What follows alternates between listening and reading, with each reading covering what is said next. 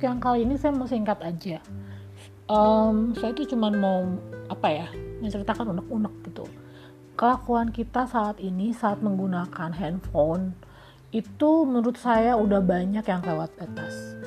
Maaf, kelewat batasnya gini. Misalnya contohnya saya lagi waktu itu ke dokter ya ke rumah sakit, lagi nunggu.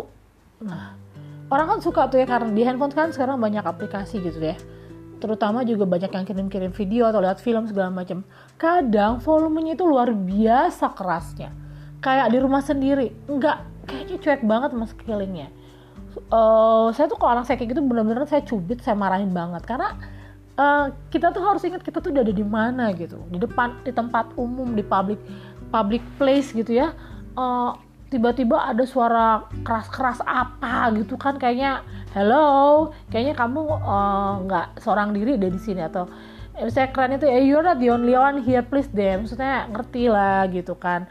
Ya tuh nggak pakai headset deh gitu. Jangan yang tiba-tiba kamu pencet apa kencang banget bukannya dikecilin gitu. Itu tuh sering banget di mana aja gitu. Di rumah sakit di stasiun di di di uh, hampir lihat deh dan dan dan nggak mau nggak muda nggak tua gitu ya. Yang muda orang tuanya nggak bilangin gitu. Di restoran.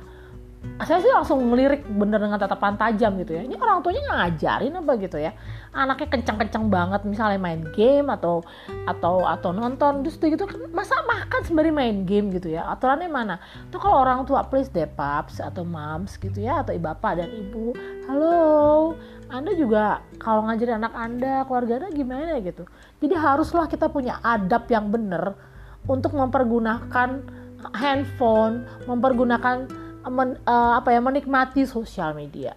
Supaya tuh kita benar-benar jadi manusia yang tahu adab gitu loh.